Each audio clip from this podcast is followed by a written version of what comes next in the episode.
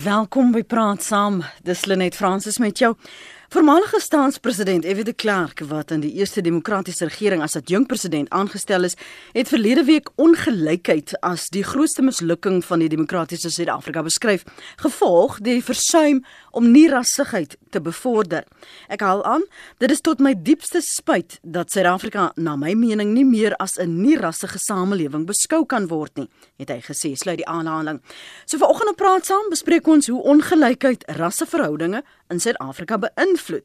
Ons gaste vanoggend is Dr Teens Elof, uitvoerende hoof van die FW de Klerk Stichting. Goeiemôre Dr Elof. Goeiemôre, net baie goed met jou. Nee, eerste klas as jy net vir my retourkaartjie gee, kom ek nie terug, Piet.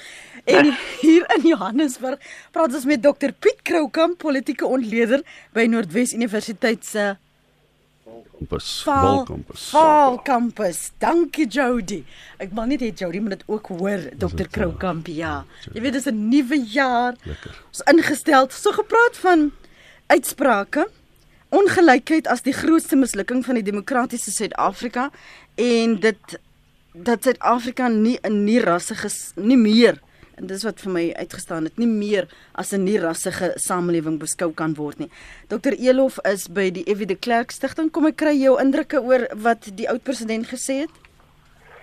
Ek dink die die eerste saak is relatief maklik hier om te bewys dis is algemene kennis dat ons uh, een van die mees ongelyke lande in die, die wêreld is waar die top 1% ehm um, baie baie meer verdien as die top uh, onderste 1%.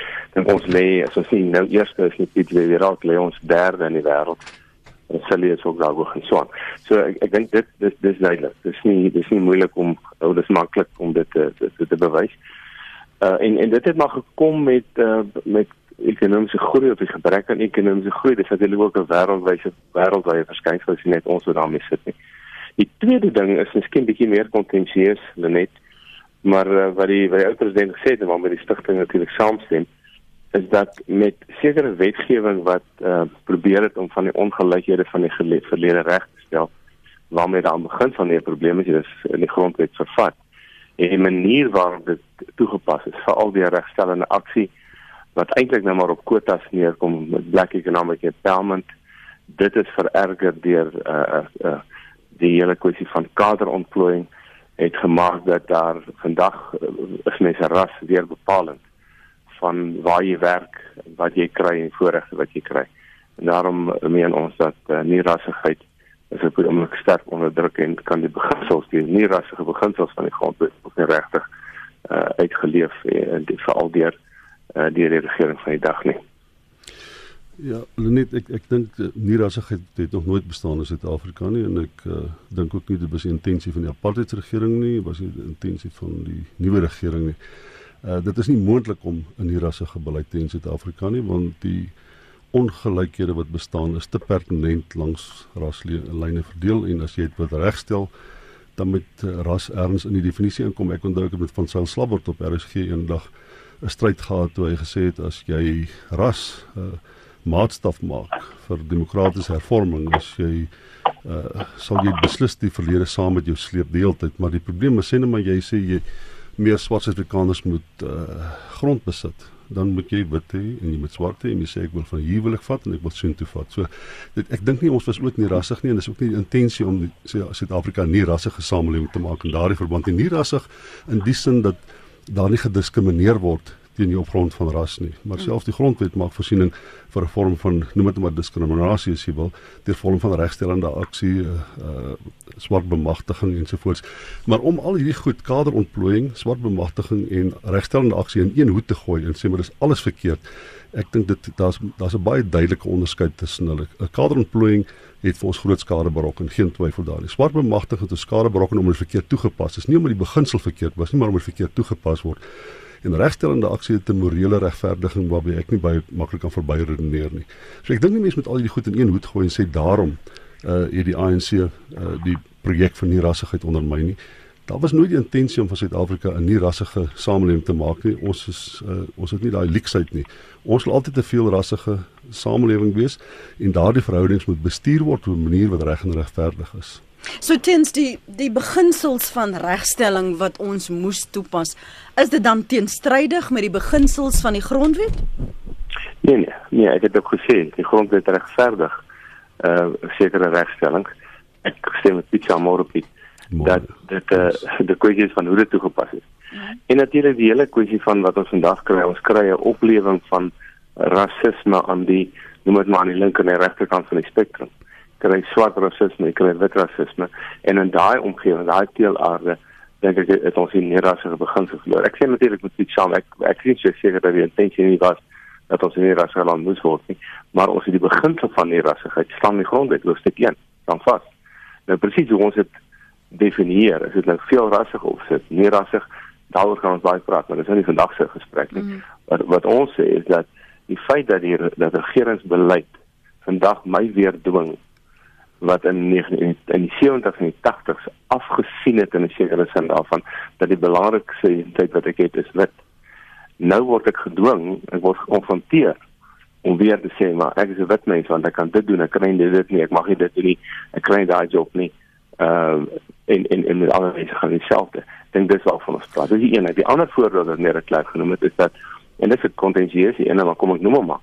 Hy sê as daar non-entiteite is, mense wat onbekend is, sommer gewone mense swak praat en rassistiese opmerkings maak soos 'n Penny Sparrow of die ou by strand in, in in Griekeland dan word dit opgeblaas en dit is heeltemal reg dat dit opgeblaas word. Maar dan gebeur dieselfde dat 'n leier van 'n politieke party maak rassistiese uitlatings. Hy sweep rasse uh, mobiliseer en rasse haat op en daarvan word niks gemaak nie. Daar's dus iets verkeerd. So dis die gesindheid van sekere politieke leiers maar is ook die hele kwessie van dat hulle in terme van regeringsbeleid en hierdie die nuwe die konsepwetgewing of of of of of reg of regstelling uh gelyke uh aanstellings ek employment equity gaan basies kwotas inbring. Ehm uh, dis wat hulle sê, hulle sê ons moet hierdie groepe soveel soveel soveel dan met 80% swart mense in elke staatsdepartement wees, dan mag net 9 wees wat brein is, mag jy 9% wees wat dit is 2% van die is. Dis 'n verrassing van die samelewing. Dis waarvan ons praat. Nie of ons in harmonie kan saamleef as 'n verrassing land nie. Dis die verrassing, ons die nuwe verrassing van die samelewing. Ek weet net ek vind dit komies dat ons uh, dat mense argumenteer dat ehm um, ek moes destyds my ras aandui en nou moet ek dit nog steeds doen en daar's 'n vorm van kontinuïteit daar tussenin die die die rede hoekom jy ras op jou vorm aangedui het in 1970 was om te diskrimineer sodat jy 'n bepaalde politieke voordeel kan kry en dat jy tot op 'n bepaalde manier polities benadeel kan word. Dis 'n baie spesifieke intensie gewees oor hoekom jy jou ras op die vorm skryf. As jy vandag die ras op jou vorm skryf, is die veronderstelling dat ons probeer om die verskille op 'n manier uit te wis. Ons moet 'n aanduiding kry van wie is waar sodat ons 'n uh, spesifiek die verskille van die verlede kan adresseer op 'n of ander manier. Met ander woorde, wanneer ons sê jy skryf ras op 'n vorm nou en jy het hom ras geskryf in tydens van apart, die intensie daarvan is totaal verskillend. Soos met enige ding wat jy sê, wat jy doen, hang dit af van die konteks waarbinne jy dit sê en met die intensie waarmee jy dit sê. En ek kan nie verstaan dat ons nou nog dink die feit dat jy ras nou bevorm skryf en die feit dat jy destyds ras op die vorm geskryf is presies dieselfde ding. Dit is nie dieselfde ding nie. Dit hang af van die konteks en die intensie van Nee, dit gaan nie oor die skryf op die vorm nie. Ek het nog ek skryf nie as daar by my my voorom staan raad van sê nie van toepassing nie. Dit gaan daaroor nie. Dit gaan oor al die wetgewing en hulle maar gelykstelling uh, regstelling aksie al die wetgewing swart bemagtiging wat sê dit word net vir Afrikaners in die eerste plek gedoen en daarna vir swart Afrikaners. Dit gaan daaroor. Gaan nie oor 'n vorm nie. Wel, dit is tog nou belaglik om te dit gaan oor 'n vorm. Ek worry nie oor 'n vorm nie. Ek dink mense worry nie oor vorms nie. Dit gaan oor dat jy ras bepaal weer wat 'n werk jy kry en wat 'n voorregte jy kry. En daar niemand kan dit ontken nie. Ja, maar wat ek probeer sê, kom ons kyk net eers na die rede oor hoekom kom ons isoleer hierdie ding van die die klagte wat jy dit wil skryf, maar ons moet ras toegeskryf het, dan moet ons ras wees. Kyk, jy het dit opgehaal, jy het die punt gemaak. Ons moet toe ras geskryf het, dan moet ons nog steeds ras skryf. Kom ons kyk net eers die intensie agter of of dit moreel presies dieselfde konsep is. Dis nie dieselfde konsep nie. Ons kan nou na gaan na wet, ons kan nou na wetgewing toe gaan. Ons kan nou na wetgewing toe gaan en sê wanneer is wetgewing uh destruktief en wanneer is dit konstruktief wanneer ons ras as 'n indikator gebruik. Maar ons net eers dit uit die weg uitruim. It's not the same thing. Dis nie dieselfde ding nie. Op en daarvan af kan ons nou gaan. Kom ons gaan kyk na uh, swart bemagtiging, kom ons gaan kyk na regstellende aksie. Kom ons gaan kyk na enige ander vorm van wetgewing wat ras as 'n aanduiding gebruik van hoe dit geïmplementeer moet word. Dan gaan ons nou daarna gaan kyk, maar kom ons maak ons moet net eers by die by die konsep ooreenkom is nie dieselfde ding nie. Die intensie is verskillend en die konteks is verskillend. Ek het geen probleem daarmee. Kom ons praat dan oor wat oor wat regtig gesê is. Dit gaan niemand praat oor 'n vorm wat dan word nie. Ons praat oor die regering wat jy het beleid teens. Jy het gesê ek moet jy het gesê ek moet op 'n vorm met ek moet ek aandui vir bitter swart is of wat se klere. Ja, dit is dit wat gevra word, maar dit is nie my probleem in die eerste plek nie. Die probleem is dat beleid maak dit belangrik of jy wit of swart is. Of bruin is by the way. Maar maar die vorm as jy dan nou die vorm invul ons gaan neem dit met die veronderstelling dit is om te bepaal ehm um, wat ons wil bereik. So hmm. wanneer iemand vir 'n werk aansoek doen en ons kry soveel dat ons kan sê ons het soveel aansoeke gekry, hierdie persoon ehm um, voldoen aan dit wat ons verlang vir die die pos en dit is hoe ons dit gaan aanwend. Ons veronderstel dat dit met daai um, verstand en in daardie houding aangewend word. Wat ek as ons sê vir mekaar ons is 'n ongelyke uh, um, samelewing dan gaan altyd ongelykheid wees. Dan moet ons mos nou aanvaar as jy altyd ongelykheid gaan hê, gaan jy nooit kan herstel nie. Jy gaan nie kan verwag dat ehm um, die rasseverhouding verbeter nie. So hoe kan jy nie rassigheid en ongelykheid dan in dieselfde asem nie? Hulle net kom ek gee vir jou 'n idee dat ons net kyk hoe die werklikheid ook lyk. Uh, ek dink uh, wit werkloosheid uh, was tot onlangs hier rondom 8%. Ek is nie seker wat nou is, maar dit is tussen 6 en 8%. Uh 95% van wit kinders wat matriekvrystelling gaan na een of ander vorm van tersiêre kwalifikasie toe. Uh 63% van bestuurders in die private sektor is nog steeds wit. As ons 25 jaar het van hierdie absoluut uh, diskriminerende wetgewing wat wit mense pertinent en voortdurend benadeel. Uh hoekom is hierdie syfers nog steeds van toepassing in die Suid-Afrikaanse ekonomie? Dit is omdat daai syfers of daai konsep gebruik word as 'n tipe van 'n boogeyman om politieke steun te mobiliseer om 'n tipe van 'n uh, noem dit nou maar 'n 'n laer trek mentaliteit te stook en te sê ons word benader, ons is slagoffers. Daar's geen indikasie dat as 'n mens dit in 'n breë trek toepas dat wit Suid-Afrikaners sedert 1994 permanent benadeel is deur regstellende aksie deur ehm uh, swart bemagtiging ensovoorts nie. Om die waarheid te sê, ons het baie meer entrepreneurs uh, vaardighede getoon in die proses. Ons het vermoëns gevind om op ons eie te werk. Die, die meeste wit Suid-Afrikaners werk vir hulle self en ek dink 54% van alle swart Suid-Afrikaners werk ook vir wit vir, vir wit Suid-Afrikaners. So ons het allerhande baie interessante en kreatiewe maniere gevind om rondom daardie proses, daardie legitieme proses, 'n legitieme intensie minstens uh jy uh, uh, moreel regverdigbare intensie om om daar rondom het ons onsself baie goed gevestig. Ons is nog steeds beter af as enige iemand anders in Suid-Afrika. So ons ek ek weet daar's groot probleme in swart bemagtiging met, met die wetgewing. Ek weet daar's 'n vorm kaderontplooiing en dit is baie slegte naam gegee. As jy nie as jy kaderontplooiing uit swart bemagtiging uithaal, was ons aansienlik verder die ekonomie teen 45% gegroei. Die swart middelklas is baie groter, die werkers uh, die werkloosheid was baie laer ensovoorts. Maar die kaderontplooiing vervloek nou op swart bemagtiging. So ek dink mense moet baie interessant en strategies kyk na presies wat gebeur. Eerder as om hierdie algemene stellings te maak dat ons word daardeur benadeel. Dit stook 'n vorm van slagofferskap wat wat ons op geen manier bevorder nie. Dit doen ons nie goed nie om die waarheid te sê. Uh die, die teendeel het ons baie goed gedoen. Ons het 'n historiese voordeel gehad. Noem dit maar 'n institutional memory, 'n demografiese dividend wat ons opgebou het danksy apartheid. Ons het bates, toegang tot kapitaal, goeie skolastiese ervaring, goeie mediese dienste gehad vir generasies. Ons is die 4de en 5de geslag uh middelklas. Swart Suid-Afrikaners is die eerste geslag middelklas. So dit ek dink die ding is net 'n bietjie meer gekompliseer. En net kan ek ook ietsie sê. Ja, jy, jy, jy moet nou beslis nou miskien kan ek nou net so aan um, albei van julle. Hulle net vir ons luisteraars wat dalk laat ingeskakel het. Ek wil nie die indruk moet gewek word dat die een word teenoor die ander gestel nie. Dit is dis 'n 'n gesprek wat plaasvind. Dis 'n dinkskrim en die tema van die dinkskrim vanmôre is hoe ongelykheid rasseverhoudinge in Suid-Afrika beïnvloed. Die stem wat jy sopas gehoor het was Dr Piet Kroukamp, politieke ontleder by Noordwes Universiteit se Vaal kampus en Dr Teens Elof, ons uitvoerende hoof van die Evie de Klerk Stichting. Hy is telefonies op die lyn en nou gaan jy gesels. Teens, dankie vir jou geduld. Kyk, ek ek uh, weet ek ek kan dit verskil oor min dinge. Dit gaan nie eers plek nie vir my hier oor dat iemand sê wit mense is benadeel. Dit gaan oor standaard stel is dat ons is nie meer is nie rassig nie want die beginsels van die rassigheid of veer rassigheid word nie meer opwentlik toegepas nie. Ek my antwoord op Pietse uh, op Pietse vraag is hoekom swart mense nie beter gedoen in die ekonomie lê nie oor 'n ge gebrek aan aan drakoniese maatreëls. Dit was baie van daarvan. Die die gebrek lê in swak opvoedingspyl aan ons onderwysstelsel, ons opleidingsstelsel het geval. Ons het vir 20 jaar, 25 jaar in die demokratiese Suid-Afrika het ons skole, universiteite, ons tegniese kolleges basies toegemaak. Uh en dit is basies as gevolg van optrede van die regering. En daarom is daar nie 'n nuwe geslag of baie minder as wat nodig is, 'n nuwe geslag swart mense, jong mense wat deur die stelsel gekom het nie. Maar jy kan eintlik nie oor ongelykheid praat uh as jy nie oor praat oor die, oor die, oor die gebruik van tale mis van die onderwysstelsel en dis nie dis net eens eerlik wat sou sê dis Angie Macheka en vele ander wat sou sê. So ek dink die goed mense saam mee. So dis nie dis nie een ding om om een ding uit te haal nie. As ek oor net vinnig oor oor uh, die hele stelsel van van demografiese verteenwoordiging by die die 80992 kan praat.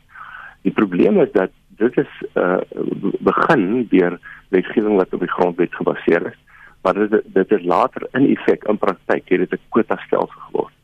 En daarom is al vandag 10000 en die statistiek is daar 10000 vakatures in die staatsdiens vir twee redes. Die een is daar is nie genoeg geskoolde en opgeleide swart mense wat deur die uh, onderwys en opleidingsstelsel gekom het en tweedens dat die die, die regering baie departemente hou liewer se pos vakant as om 'n minderheid lid van 'n minderheidsgroep aan te stel omdat dit nie met die formule die ideologie van 80992 saam saampas nie. Ek wonder baie maal uh, net hoekom antwoord niemand die vraag as ons dan sê ons het 'n kwessie van gebrek aan kapasiteit in staat nie. Ons sê dit oral. Dus is dit mense kry skuld daarvoor, ander kry skuld ander ander krisisse. Dan sê ons ons gebrek aan kapasiteit. Het iemand al gedink hoekom is daar 'n gebrek aan kapasiteit? En dan sê ek twee redes. Die een is die mislukking van ons opleidings in in onderwysstelsel en die tweede is kaderontplooiing gepaard gegaan op die rug van regstellende aksie en en swak ekonomiese bagage wat verkeerd geloop het. Dis dis ons punt. Eugene, dankie vir jou oproep. Uh, Goeiemôre. Môre Eugene. Man, ek wil net graag weet. Ehm um, ons is verantwoordelik vir baie goed en ek verstaan dit. 1994 was daar 'n uh, sekere frekwensie geweest waar ons verantwoordelik op was. Maar nou 20 25 jaar daarna is daar miljoene en miljoene Afrika lande mense wat nie werk kry daar nie wat Suid-Afrika toe kom. Is ons nou verantwoordelik vir dit ook? Ons is verantwoordelik vir baie. Ons moet baie goed regmaak. Maar daar stroom honderde duisende mense in en ons is verantwoordelik vir dit ook. Waar trek mens die lyn? Goed, is dit al Eugene? Dis al. Dankie. Elsie? Hallo, goeiemôre. Môre. Ehm um, ja, hierdie regstellende aksie, ek weet ek het nou baie sleg gehoor. Is daar een of ander nuwe wetsontwerp? Of of wat ek nou verkeerd gehoor? Ja, as die konsepwetgewing op uh, op uh, gelyke in diensneming wat uh, baie kommentators meen basies gaan neerkom op kwotas wat ook in streke toegepas gaan word. Nee, jy kan nie op kwotas gaan nie. Ek meen as jy kyk na die ehm um, die aanwas van die verskillende groepe. Jy kan nie daarop gaan nie. Uh baie mense het gereken hulle moet baie kinders hê want die kinders moet vir eendag onderhou. So dit werk nie. Ehm uh, wat vir my net sleg is is as hulle hierdie die nuwe Suid-Afrika begin het met 'n uh, uh regering van ehm uh, wat mense ons was mos aanvanklik so 'n stukkie bymekaar gewees. Nasionale eenheid. Ja. Dit moes gewees het want hulle het hierdie land gekry op 'n absolute perfekte struktuur, infrastruktuur. Jy kan jy kan dit seker beter gekry het, maar vir wat ons kon gedoen het is het hulle baie gekry. En wat gebeur het? Hulle het hierdie uh uh kaderontplooiing gedoen. Hulle het mense aangestel in poste wat nie eers daar moes gewees het, die generaals, brigadiers, whatever ook al. En dit moes nie gewees het. Hulle moes die spulletjie gehou soos dit was en hierdie ouens ingevoer het dat hulle opleiding kry dan nou in 'n die diensopleiding want hoekom is ons munisipaliteite in hierdie gemors wat dit is? Dis oor dit. Dis oor regstellende aksie, niks anders nie. Want daar is nie mense wat daar werk kan doen nie. Ek praat nie van die hier en daar wat dit reg kry nie. Dit werk net nie. Nee, ek ek uh, uh ek ek dink regtig waar en dan die ander ding wat ek net wil genoem het, die breinmense het baie Afrikaanse vanne. En as daar op 'n aansoekvorm 'n uh, van aangegee word en daar's nie 'n klassifikasie van ras nie, dan word aanvaar dis 'n wit persoon. Dis hoekom hulle baie keer dan nog nie 'n werk kry nie, want die wit persoon moet nie die werk kry nie. En waarom dit altyd gaan na die swartes toe. Alrite, baie dankie. Alright dan, dankie Elsje daar op Mamasbury. Wel, wat het jy te sê vir jouself Dr. Kroukamp, na aanleiding van Eugene en nou Elsje? As jy nou ook teen my. Eugene en Elsje se kommentare? Ja, die tragiese van van van Suid-Afrika is natuurlik dat die mense soos Elsje baie keer um, jy kan hulle nie kwaliek neem vir wat sy sê amper nie, verstaan jy? Maar uh, is, want van die feite verstaan sy verkeerd. Suid-Afrika was 'n bankrotstaat gewees in, vier- in 1990-94. Uh, vandag is Suid-Afrika se ekonomie 8 keer groter. Die die stock exchange was bestaadig 10 keer groter, hy's nou baie kleiner. Die uh vir elke een inge, uh, wit ingenieur wat Suid-Afrika produseer, ek dink produseer hulle 10 swart ingenieurs. Uh, daai tyd was dit minder swart ingenieurs as wit ingenieurs. So dis nie asof alles agteruit gaan en alles sleg is nie. Daar's daar's goed en daar's sleg. Maar dit, ongelukkig het ek dink vir al die laaste 8 jaar dit die die, die ANC het 'n baie moderne party geword. Hier rondom Thabo Mbeki se tyd was dit werklik amper 'n moderne uh, noem dit nou maar 'n moderne politieke party in sin van 'n liberaal demokratiese stelsel. Sedertdien is hulle nou rig, so agteruit geboor as weer terug by 1960. Maar hierdie verskynsel uh, word dan nou gebruik as 'n regverdiging vir bepaalde goed. En uh, as jy net 'n gewone persoon is wat ergens in Kamprivier bly dan uh, kan ek jou amper nie kwaliek neem as jy in terme van persepsies bepaalde uitsprake maak en wat ons noem anecdotal evidence is wat die laaste persoon van die, iemand sit oorkant my kan nie 'n vorm van 'n duidelike regstellende aksie maar as jy na die groter prentjie kyk dan uh, is is is is uh, anecdotal evidence nie 'n regverdige manier om kritiek te lewer op 'n groter stelsel nie. Maar ongelukkig is dit hoe mense in algemene terme dink. Uh weet afhangende van jou blootstelling, jy moet werklik die stelsel baie beter verstaan, 'n groter blootstelling in die stelsel hê om 'n regverdige opinie te hê wat oor wat in die stelsel gebeur. Maar dit is dit is by wit en swart is dit ongelukkige geval. Ons het persepsies en opinies oor mekaar wat uh kom net uit ons persoonlike ervaring uit, maar nie in 'n beter bestaan of 'n verstaan van die groter stelsel nie. Maar daardie persoonlike ervaring is die waarheid vir daardie persoon. Dit dit is ongelukkig die waarheid vir daardie persoon, maar as ons vir haar nou 'n bietjie meer blootstelling kon gee en sy het 'n bietjie meer Google en 'n bietjie meer internet gelees en sy het 'n uh, maklike toegang tot die internet gehad en sy het baie goed stelsels verstaan, sy het 'n bepaalde vlak van noem dit nou maar akademiese ervaring gehad van dinge, dan sou sy baie minder op hierdie noem dit nou maar amper primitiewe instinkte gereageer het. Ek sê nie sy's primitief nie, maar hierdie basiese instinkte gereageer het om goed komplekse dinge te verstaan. Maar eh, soos ek dink teenstuk daar vroeër daar op op, op klem gelê is dat ons ons het, ons het 'n geweldige agterstand. Die grootste menseregte benadeling wat die ANC gepleeg het wat my betref is is, is in onderwys en opleiding in Suid-Afrika. As jy swart is in Suid-Afrika, as jy swart kind is, het jy eenvoudig as jy moet geweldig onregverdig behandel oor die laaste 20 jaar. Daar's geen twyfel daaroor nie. As jy wit kind is, het jy al die voorregte gekry wat jy nog altyd geniet het en nog 'n bietjie meer. So so tens daar was nooit 'n probleem met die feit dat daar regstelling moes kom nie. Dis die wyse waarop dit toegepas en bestuur is en dat dit eintlik in vir sommige en in sommige gemeenskappe die die ehm um, wat noem mense die gleuwe was daar was, die verskansing wat daar was, dit die dit verbreed het. Ja. Absoluut. Ek ek het van die begin af gesê dit gaan nie oor die beginsel dat daar sulke regstelling moet wees nie. Dit gaan oor twee dinge. Dit gaan die manier waarop dit toegepas is en hoe lank dit nog gaan gebeur. Ehm um, miskien ek net oor oor also dit sê ehm um, ek ek dink baie maal wat ek maar probeer vir mense sê wat ek waarmee ek in aanraking kom is ons het te geneigtheid dat as jy malema oor iets sê of jy oor iemand anders iets sê dan sê alle swart mense dink so of is so. En jy kry jy kry daai veralgemenende beeld terwyl ek sê baie maal dink aan iemand sal wie jy werk vir wie jy respek het of hy nou wit of swart is. Daar's miljoene sulke mense ook. Daar's net 'n paar malemas. En ek dink dit dit help my altyd om te dink. Want ek bedoel ons is almal deel van jy weet ervaringswêreld en jy word jy word kwaad as jy dinge hoor en is onregverdig en so aan. Maar ek dink dit saam met wat jy gesê het 'n bietjie groter sal ons help om te verstaan. Ja, nie alles het uh, het te grond gaan. Ek dink wat wel waar is, iets wat waarskynlik my saamstem, is dat die staatsbestel, die die hele kwessie van munisipale regerings waarvan die direkteur-generaal sê die grootste meerderheid, amper 3 kwart van hulle is dis is het nie is my ouders nie baie van die meerderheid van hulle is disfunksioneel en dan ook sekere staatsdepartemente daar het dit het ons die slegste vrugte gepluk van van uh, regstellende aksie en en en gelyk in die stem en die bemagtiging wat verkeerd gegaan het. So ek dink mense kan nie ontken dat daar probleme is. Ek wil ek dis nie vir oggend se se se onderwerp nie, mm. maar hoe ons hierdie Eskom gat uit gaan kom is is vir my ek het nie eers ek kan nie eers begin om te dink daaroor. En dit het gebeur. Dit dit dit is Eskom was 'n sterk organisasie baie staats uh, uh, beheerde entiteite was sterk. So hy het definitief agteruit gaan gekom, maar stem met Pisam, dis baie belangrik die balans hou dat sekere dinge het inderdaad verbeter. Ek dink as mens net sien dat die dat die groeiende middelklas onder die swart mense is 'n baie positiewe ding.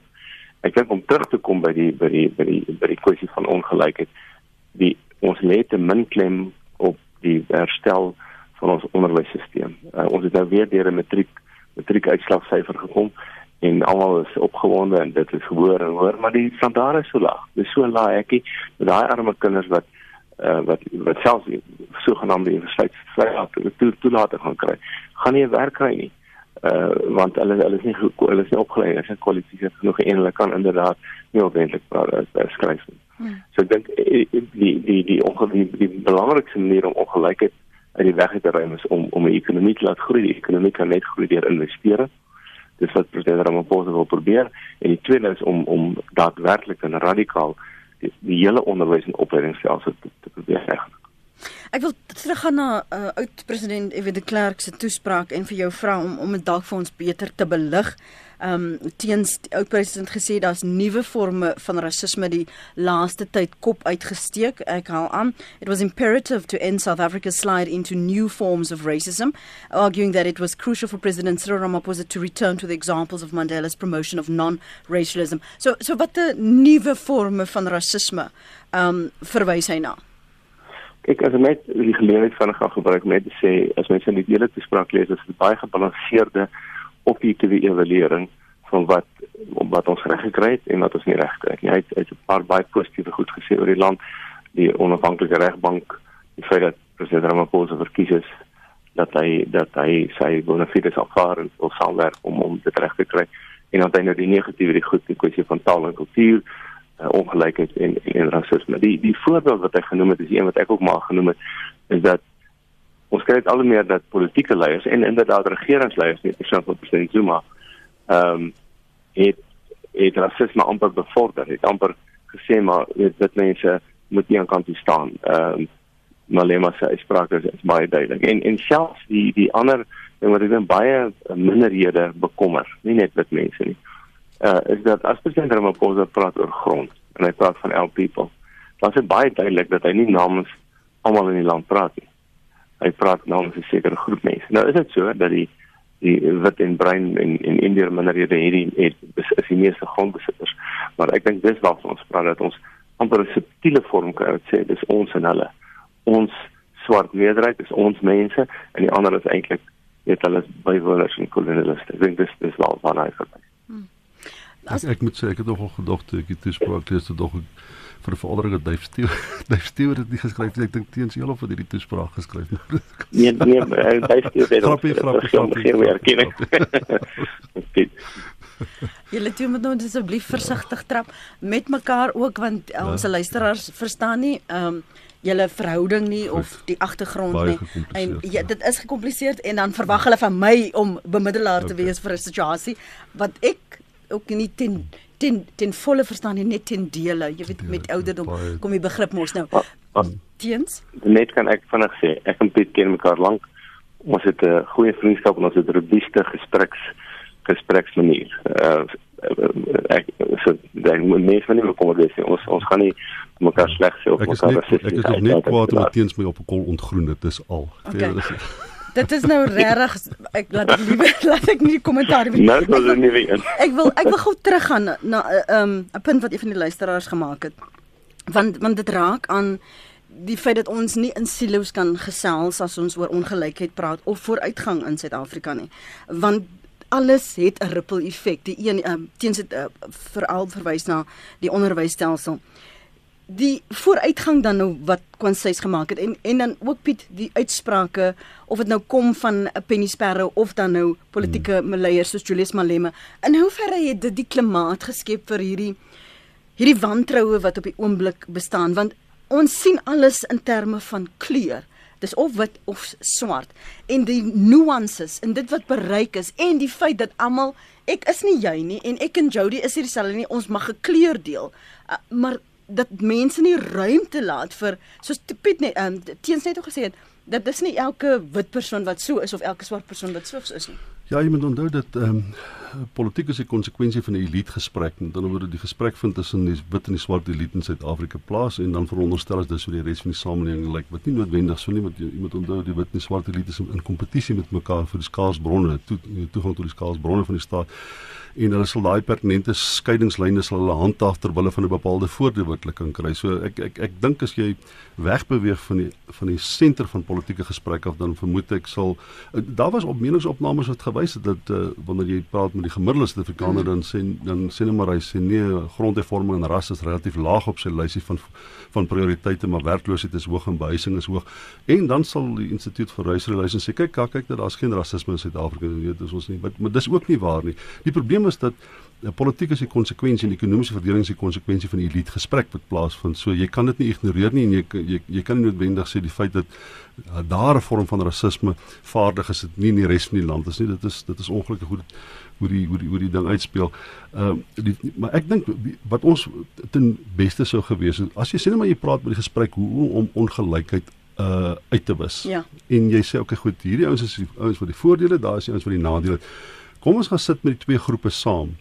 En want ek ek kan vir jou nou sê daar is vir mense wat baie geld het, is daar 'n baie spesifieke voordeel daarin dat mense wat nie geld het nie ook geld het nie. 'n Kapitalis byvoorbeeld wil hê ek ek as jy nie geld het kan ek nie uit iets uit jou uitmaak nie. Ek jy moet ook iets hê. Met ander woorde, daar is 'n kompromis te bereik. Dit is heeltemal moontlik, maar ek dink en dis een van die goed wat die ANC dalk verkeerd gedoen het. Ek weet dis wat hulle verkeerd gedoen het. Hulle het op die beleid is die produk van baie eensidedige manier van formulering van die probleem sowel as die oplossing. En dit is 'n groot probleem. As jy as 'n minister beleid uh, uh, maak, dan doen dit in terme van wat sy visie is en 'n bepaalde ons noem dit maar constituency of verteenwoordiging wat hy dink hy verteenwoordig. Eintlik moet beleid geformuleer word. Sê kom ons kyk die ouens met geld bymekaar, ons kyk ouens wat nie geld bymekaar. Nou kom ons kyk of ons 'n gesprek kan voer en waar ons almal se belange gedien word. Waar almal se belang gedien word. En dit is so, ek kan nou vir jou bloot, dit is moontlik om 'n kompromis te bereik in baie gevalle, maar dan kan jy nie sê dat daar's nie wit en daar's nie swart nie, want wit het baie en swart het min, verstaan jy? Die swart middelklas het baie en die swart uh, uh, armklas het niks nie. Want binne swart Suid-Afrikaners is die verdeling net so breed soos tussen wit Suid-Afrikaners, verstaan jy? Maar die feit bestaan ja. is dit is moontlik om 'n kompromis aan te gaan. So, uh, regstellende aksie sal 'n plek in die Suid-Afrikaanse samelewing 'n morele plek en 'n implementeerbare plek as dit as deel van 'n kompromis is. Dieselfde met uh, swart bemagtiging, dieselfde met enige ander vorm van wetgewing, soos oor grondhervorming. Hierdie is die eerste keer wat daar 'n gesprek oor grondhervorming plaasvind wat alle rolspelers betrokke is tot nou toe, tot hier toe was dit regtig net die staat wat die pas gedetermineer het. En ons sien nou dat ek dink en dis hoekom ek vertrou het in die grondhervormingsproses omdat ek dink vir die eerste keer en ek kan dis dit ongelukkig is dit is dit swaar, rus dit baie swaar op Ramaphosa. Maar daar is nou is daar 'n moontlikheid omdat hy sê luister kyk ons praat met boere ons praat met wit mense, ons praat met alle grondeienaars, ons praat met almal, ons gaan 'n kompromis probeer bereik hier. As ons dit al in alle ander fasette van die politieke ekonomie gedoen het, was ons aansienlik verder. Maar ongelukkig is beleid tot nou toe geformuleer in terme van wie hierdie politieke mag om wel beleid te formuleer. Dit is wat 'n deelnemende beleidformulering was. Tens Ek ek dink ons het baie ernstig nodig om hierdie hele saak van die rasgrid en ook ongelykheid aan te spreek, moet ons almal kan saamwerk. Mm. En die president het 'n gulde geleentheid en ek verstaan dat hy waarskynlik voor die verkiesing met hy met hy verkiesingspolitiek bedryf verstaan dit. Ehm um, maar ek dink ek hoop dat na die verkiesing nie net sal hy teen korrupsie en in terme van ekonomiese terme sterker optree, maar dat meer van 'n staatsman rol sal speel om te sê kom ons werk saam. Uh stuur almal, nie net vir party nie. Ehm um, en en dat dat dat ons gaan sê maar dis almal ons mense. Weet. Want ek dink dit was dit was wat president Klerk gesê het wat ons mis wat Madiba gedoen het. Nou kom hy argumenteer ja, dit was nodig en daai tyd is nie nou nodig. Ek sê dis weer nodig want omdat hierdie gat het soos sê met ons moet ons almal bymekaar kry en almal sag. En dit is eintlik so maklik om Afrikaans sprekers ons gehoor vanoggend is is dit saaklik Afrikaans sprekers om hulle te kry om saam te werk. Jy net vir hulle sê man, ons erken julle. Ons weet julle wil help om om dinge van die verlede reg te stel om die toekoms reg te maak. Kom ons werk saam. Jy weet julle taal is veilig. Ons het een kant, kom ons gaan vorentoe. Dit is eintlik so maklik terwyl wat baat jy om hulle te, te om het, om mense te vervreem wat Afrikaans praat? Jy gaan nie veel meer stemme wen nie. Uh so ek dink on, ons soek vir daai leierskap en en ek hoop dat na die hoeveelste my ook al dat ons stadig gaan iets daarvan sal kry want want ons is eintlik weer onder. Ons die die Zuma tyd het ons teruggevat mm -hmm. en ons moet weer van voor af begin van onder af begin. En en ek dink die kwessie van ongelykheid uh um uh, is baie belangrik. On, ons hou die die stigting hou ons elke jaar 'n uh, konferensie rondom die 2 Februarie. Nou Vrydag hou ons 'n konferensie oor ongelykheid. En ons fokus op ekonomiese ongelykheid en en kinderlike ongelykheid. En ons dink mens kan nou nie alles doen in een dag nie. Maar die punt is ons moet almal oor daai goed dink en praat en iets doen want dit is aan ons almal se belang. Ek dink altyd nog wat Anton Rupert gesê het, hy het oor Lesotho gesê, hy het gesê as jou buurman honger is, kan jy nie lekker slaap nie. Moreel en sekuriteitsgewys gesproke. Ek dink ons is steeds weer daar. Jy het net nou na na verwys Piet dat dit 'n gesprek is wat die elite met mekaar het want hulle het belange of dit nou wit of swart uh, is. Hoe wentel jy dit af dat dit die man en vrou op die grond se gesprek raak wat die brood en botter kwessies is sodat jy nie uh, half vasgemee gesleer word deur die retoriek wat geuiter word deur politieke leiers of uh, partytetiese leiers omdat daar meer stemme wat hulle wil hê of hulle wil beter vertoning hê by by die by die verkiesing. Soos teens het nou net gesê van dis so jammer want jy hoor dan nou nie vir Ramaphosa sê wat miskien meer vir ons almal bymekaar sal bring nie en dat dit gaan oor 'n party se beleid of manifest of of, of vooruitsigte wat bevorder moet word. Hoe wendel jy dit af? Want want want dit is die wantroue is hier, maar die gesprekke vind daar. Dit is soos ons laas ons hierdie konferensie vir hierdie jaar die konferensie gehad het oor hoe gaan ons ongelykheid in die land aanspreek um, en werk skep en die wat geraak word is die deel van daai gesprek. Ja, Ek daar gaan 'n vliegtuig al by teenoor. Kyk, ja, ek, jammer, ek probeer dit van toe. O, okay. Ek dink nie ek dink nie jy moet dit afwentel nie. Ek dink jy moet dit opwentel. Ek ek ek ek, ek dink eerlikwaar ehm um, uh daar's daar's aansienlik meer maar goodwill in in die samelewing as wat politici ons toelaat om te hê. Uh Max de Pre donkie jare terug, ek wonder of hy dit vandag sou ontken het, het gesê, hy het eendag gesê as uh, toe was dit Tabo Mbeki nog gebeur, toe sê as Tabo Mbeki toe was die tikkies nog wit geweest ook. Hy sê is tik is 'n 'n bietjie vir tikkies. Hy luister man, ek kort so 1000 jong manne om my te help om huise te bou in Mamelodi. Gaan hy die gaan hy daai naby 2000 mense hê daar opdag wat sê ons bou vir net ons help om huise te bou.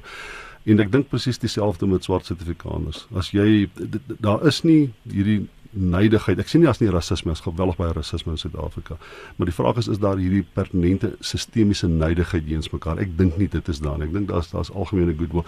Die punt wat ons moet kry is ons moet kry dat die soos ek gesê die regering moet met 'n punt daarvan maak om 'n uh, gesprek oor beleid as 'n kompromis te sien eerder as 'n besluit wat geneem word deur mense wat politieke mag of ekonomiese mag het om te neem aan beide kante as ons dit moontlik kan maak dat politieke leiers begin praat en dink soos ons aan die onderkant praat dan vaar ons baie beter want op hierdie stadium is dit 'n geïsoleerde gesprek wat plaasvind wat 'n bepaalde omdat dit oor, oor mag gaan pertinent gaan wat 'n bepaalde voordeel vir 'n klein groepie mense inhou of jy nou van die wit besigheidskant is die die die, die, die, die wit besigheidsouens doen presies dieselfde ding. Hulle praat 'n gesprek wat hulle tot voordeel is. Die politieke mag sê hulle praat 'n gesprek wat hulle tot voordeel is. En dis nie in aggenome van ek dink wat in die breë trekke in die samelewing aangaan nie. En die plek waar ek dit die beste sien is, ek sien dit in die verkiesingsdata. Elke jaar is daar minder mense wat deelneem aan die verkiesing. Elke verkiesing is daar minder mense wat vir die ANC stem. Die laaste verkiesing in 2016 het net 22% van die mense wat kan stem in Suid-Afrika vir die ANC gestem. En ek rond dink rondom 40% van mense in Suid-Afrika wat kan stem het glad nie gaan stem nie. Met ander woorde, hulle onttrek hulle aan hierdie gesprek wat tussen die elites plaasvind of dit in die sake besig of besigheidswêreld kom of politieke elite kom ons is toenemend besig om ons te ondertrek omdat ons kan nie identifiseer daarmee nie. Politici in Suid-Afrika moet meer word soos ons. Ons moet nie meer word soos hulle nie. Teens? Hm. Ja, ek kom net saamstem. Ek dink die die twee punte wat ek sou byvoeg is dat ek sê altyd ons het uh, ons het eintlik goeie rasseverhoudinge in 90% van ons mense. En en dit is my persoonlike ervaring op alle vlakke. En ek praat nie net van mense waar die gesagsverhouding jy het omgeskeef is soos 'n kelner in 'n restaurant. Ek praat van gewone mense op straat. Maar ons het ons het swak verhoudings tussen ons politieke leiers en ek dink daardie groep mense wat op sosiale media deelneem. Uh dit is dis is miskien van die eerste gepolariseerde wat jy kry. En ek dink as mense in tweedens as mense dan kan begin om daardie gewone goeder trou, goodwill soos mm. Engels sê, kan opwinkel is eintlik eintlik 'n goeie ding. In 'n sekere sin is 'n verkiesingstyd nie 'n slegte tyd om dit te doen nie, want die gewone mense en vir politici sê dis wat ons wil hê. Ons wil hê julle moet ons verenig. Ons wil hê julle moet ons deel. Ja, dit is interessant om te sien wat gaan president Ramaphosa wat nou in die Weskaap gebring word om die ANC te help. Wat gaan dit vir brein en en en wit Suid-Afrikaners in die Weskaap sê? Hulle hulle sê ek kan goed Afrikaans praat so. hy gaan Afrikaans praat.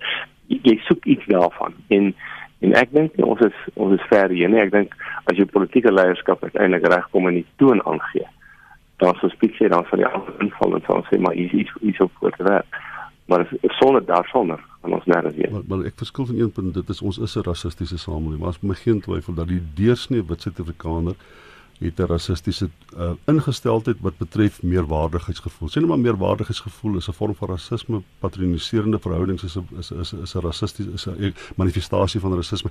Dit bestaan daar. Die vraag is hoe bestuur jy dit ook sodat dit daar 'n bepaalde belang is vir wit Suid-Afrikaners om nie rassisties te wees nie want dit is moontlik die die regering moet 'n met 'n belangskap vir wit mense. Jy kan nie iemand sê jy mag nie meer rassisties wees nie. Soos jy sê jy kan nie meer drugs gebruik nie.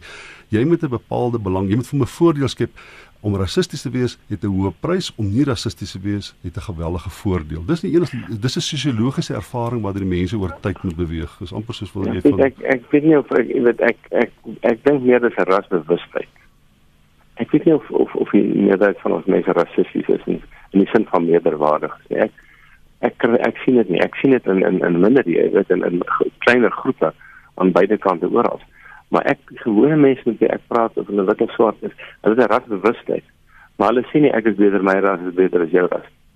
Ehm um, die ek sien nie meer daarvan. Maar hoe sou ek sê ek dink daar is 'n rasbewustheid en ek dink nie dit sou weg kan nie. Ek weet ook nie oor die hele wêreld dit is altyd oral daar. Ek het byvoorbeeld gedink dit is so erg dat die dat die kaptein van Pakistan vir vir hulle kwai gesê swart man van jou man want hom nie net 'n swart man en dit beteken dat hulle gesê rassisties maar dit ons is vandag ons het amper 'n denkpolisie en ons het dit politieke korrektheid beskryf van niks. En daarom uh, dink ek dit is meer as dat dit as om regtig negatief rassisties te wees nederwaardig en neer dit af af uh, neerbuigend is eintlik Dit gaan interessant wees. Een of ander tyd moet ons tog praat oor almal se ervaring van wat is rasisme? Wanneer is dit rasisme? Wanneer is dit rassisties? Wanneer is dit neerhalend? Ja, ek is ek is absoluut en ek moet ek sê dit met groot deernis. Ek het absoluut verstom oor wat wat wat teens nou gesê het. Die die die, die, verwysing byvoorbeeld op Ekligwaai is as swart man. Dis mos nou neerhalend geweest. Dis mos patroniserend geweest en daarna het hy nog 'n godsdienstige slaand bygesit en dit was uit afgepraat om toe dit dit is die mees blaatante vorm van rasisme en dit is ongelukkig as jy met wit Suid-Afrikaners praat. Hulle het geen begrip van wanneer hulle rassisties en wanneer hulle nie rassisties nie. En hulle sê vir my sê sê net maar ek sê vir 'n swart man gaan weg, dan sê ek rasis. Ek sê ek wit man as ek nie rasis nie. Hulle sukkel om daai skeidslyn te vind. En ek en ek ek maak dit persoonlik nie, maar teens dieselfde manifestasie daarvan. Hulle herken nie rasisme wanneer die die vraag is eintlik jy moet vir die persoon vra wat die slagoffer is van wat jy gesê het wat is rassisties of wat is nie rassisties nie. Daai uh, vorm van die cricket aanhaling, dis die mees blaatante vorm van rasisme wat ek kry. Daar was nog 'n tipe van 'n godsdienstige ondertoon ook. En tog wit Suid-Afrikaners sê not, jy kan nie 'n rassist wees nie, jy net 'n swart man noem nie. Jy kan, want konteks maak saak. En dan wat 'n Urdu, wat 'n Urdu, nie Urdu se taal dit is. Wat is duisend van dit teens? Die konteks van daai ou. Wag, wag, wag, wag, wag, wag. Laat ek ingryp, laat ek gou ingryp. Ja, dit is man, want want nee, dis dis eintlik ek ons lag nou oor want in sommige ehm um, kulture as jy 'n uh, 'n woord op 'n sekere manier gebruik, dan is dit 'n slaan is 'n stok en andersins is dit 'n kompliment. Ehm um, dis die hele verwysing van wanneer mag jy vir iemand die en woord sê hoekom is dit aanvaarbaar as dit binne die groepie is? En dis die gesprek wat ek en Jody gehad het is wat is die ervaring van wat is dan nou hmm. rasisme en dan ook moet ons maak aantekening Jody daai gedeelte en die tweede deel gedeelte as ek die dag sorry sê as dit dan nou aanvaarbaar en is nou ja net jy nou my vergewe of dit dit dan nou regmaak en regsnaam nou, dit is wat ons ook gesien het. Um toe Faf Du Plessis dan later sê ons het dit al aanvaar het om verskoning gevra ons gaan nou weer aan. Sodat ons binne die groter konteks en dan ook waar dit Jan Insan in Kolani en Mohammed wat ons nou so om 'n tafel sit en brood breek wat die ervaring daarvan is. Dankie julle vir uh, die geskerts, die goeie gesindheid. Dr Teens Elof uitvoerende hoof van die EW de Klerk Stichting en Dr Piet Kroupkamp, politieke ontleder by Noordwes Universiteit se Wel kampus. Ons het vanmôre gesels oor hoe ongelykheid rasseverhoudinge in Suid-Afrika beïnvloed.